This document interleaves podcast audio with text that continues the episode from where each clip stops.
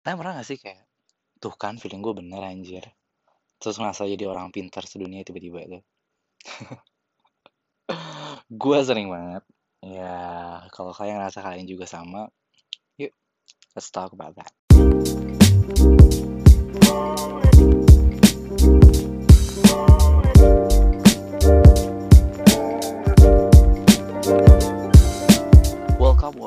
Welcome, welcome, back to Theorism here with me, Distra. Jadi gue ada satu cerita ya yang menurut gue rada relate sama topik hari ini. Itu adalah dulu gue punya satu bisnis di mana ada dua adik kelas gue yang minta diajarin sama gue. Ya gue karena gue emang suka ngajarin gitu ya. Karena mungkin kalau gue ngajarin gue berasa pintar kali ya. Gue nggak tahu. Jadi gue ngajarin ini orang dua dengan dua latar belakang yang berbeda. Sebut aja satu namanya Tanti, satu lagi namanya Lala. Tanti itu ya tipe anak yang pinter, supel, ya bagus lah pokoknya gitu. Yang namanya Lala tuh ya pemales, kurang pinter, kurang kritis, bla bla bla gitu ya, kurang oke okay lah gitu loh. Jadi gue dari awal udah gue udah pikir nih kayak yang bakal bantuin bisnis gue banget ini kemungkinan Tanti tapi ya kenapa enggak? Cobain aja coba. Siapa tahu gue pikirannya salah siapa tahu lala jadi orang yang benar juga gitu kan. Akhirnya gue jadi dua-duanya dan ternyata benar. Sepanjang perjalanan gue ngerasa kayak ini kan bener kan yang namanya Tanti itu emang lebih oke okay daripada Lala gitu loh. Dan gue selalu mikir hal itu tuh kan bener kan tuh kan bener kan. Kalau misalnya ada tugas gitu kayak gue males banget ngasih tahu ke Lala tuh karena gue tahu nih orang pasti ngerjainnya bakal jelek tiba-tiba dikasih deadline buat Kamis selesai baru hari Sabtu misalnya.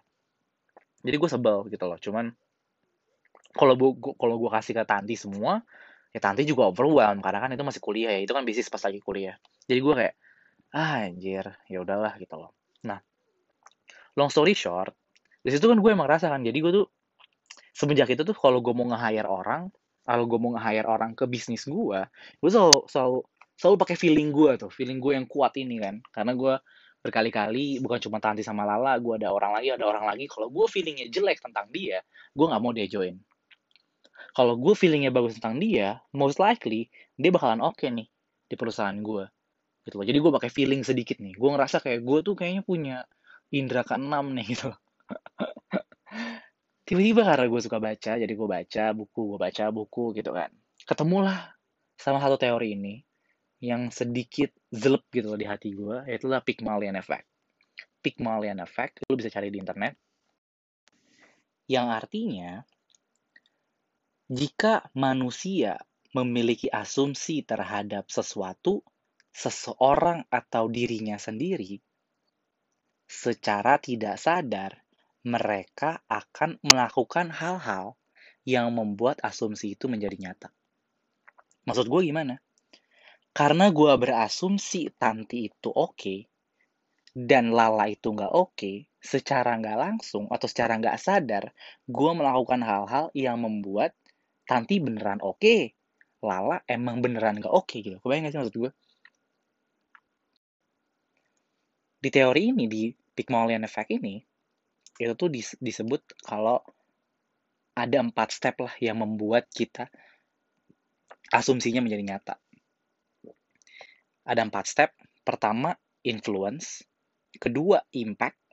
Ketiga, cause. Keempat, reinforce. Yang pertama, influence. Karena gue berasumsi Tanti hebat, pinter, oke. Okay. Lala bodoh, males, nggak oke okay, gitu ya. Akhirnya setiap kali Lala bikin kesalahan, gue maki-maki. Tanti bikin kesalahan, tenang aja, manusiawi kok. Lu masih manusia. Tanti bikin achievement. Wow, Tanti hebat banget. Lala bikin achievement. Oke, okay, thank you. Good luck. Eh, buat next jobnya lagi. Gak ada tuh gue hore-horein dia tuh gak ada gitu loh. Terus next day-nya gue lupa gitu loh. Dia pernah bikin achievement. Karena yang di otak gue nih orang bego, bego, bego, bego, influence. Pertama influence. Kedua impact. Akhirnya Tanti merasa, iya kan gue pintar, lihat kan kemarin gue bisa ngelakuin hal ini gue pintar nih. Lala di sisi lain padahal mungkin achievementnya ada yang sama. Mungkin achievementnya dia, dia pernah melakukan achievement yang sama tapi dia ngerasa kayak enggak gue bego. Lihat aja diserah marahin gue mulu. Enggak gue bego. Impact. Cause-nya akhirnya muncullah tanda-tanda kalau asumsi kita bener nih ya namanya Tanti jadi tetap semangat kerja. Makin semangat kerja. Setiap kali ada meeting dia semangat. Dia paling berkontribusi banyak Tanti. Lala di sisi lain malas meeting. Setiap ada tugas malas ngerjainnya. Bawaannya pengen cabut. Setiap kali diajak meeting dia kayak bikin alasan aja. Akhirnya step keempat reinforce. Gue jadi kayak tuh kan bener. Gue bener. Tuh kan gue pinter. Tuh kan feeling gue tepat. Gue bilang apa Tanti hebat Tanti oke.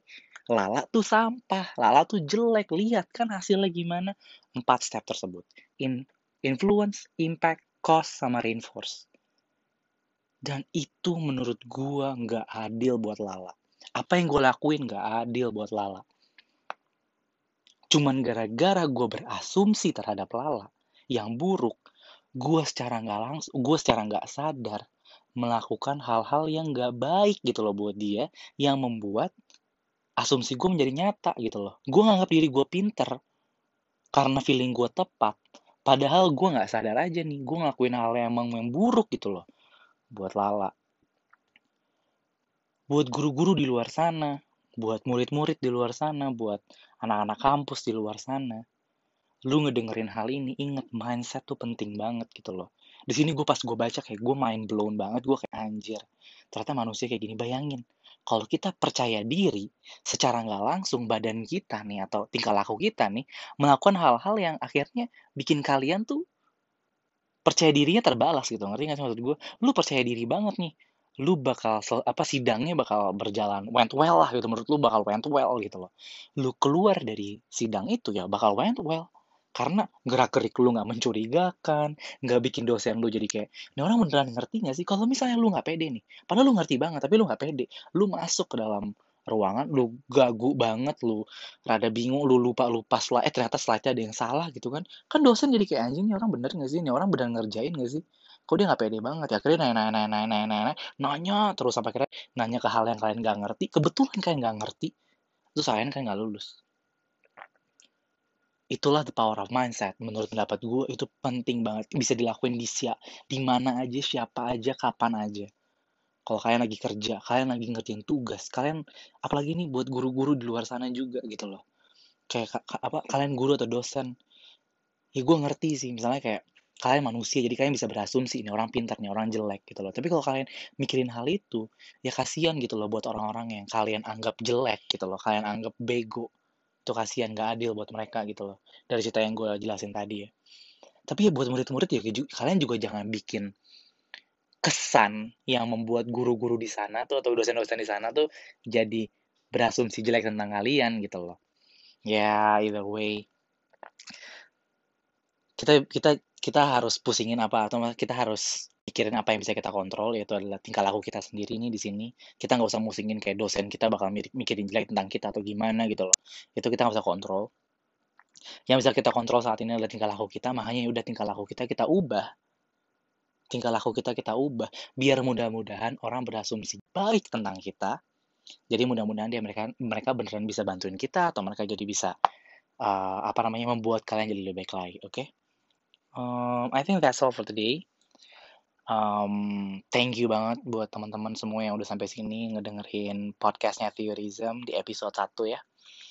Um, buat teman-teman di sana yang belum follow Instagram uh, Theorism, please banget kalian jangan lupa follow. Um, kalau kalian bisa kasih masukan, kalian bilang ini Instagram jelek banget nih, ini kok apa kontennya kurang nih gini-gini, langsung kasih tau aja karena emang kita mau masih mau keep improving ya, kita masih baru banget Instagramnya baru, podcastnya baru, tapi emang kita butuh banget nih masukan-masukan dari kalian semua, jadi kayak ya yeah, that's all. Semoga ini teorinya bisa membantu kehidupan kalian di ke depannya, but then again, it's just a theory. Oke okay, then, saya cabut dulu. Cheers.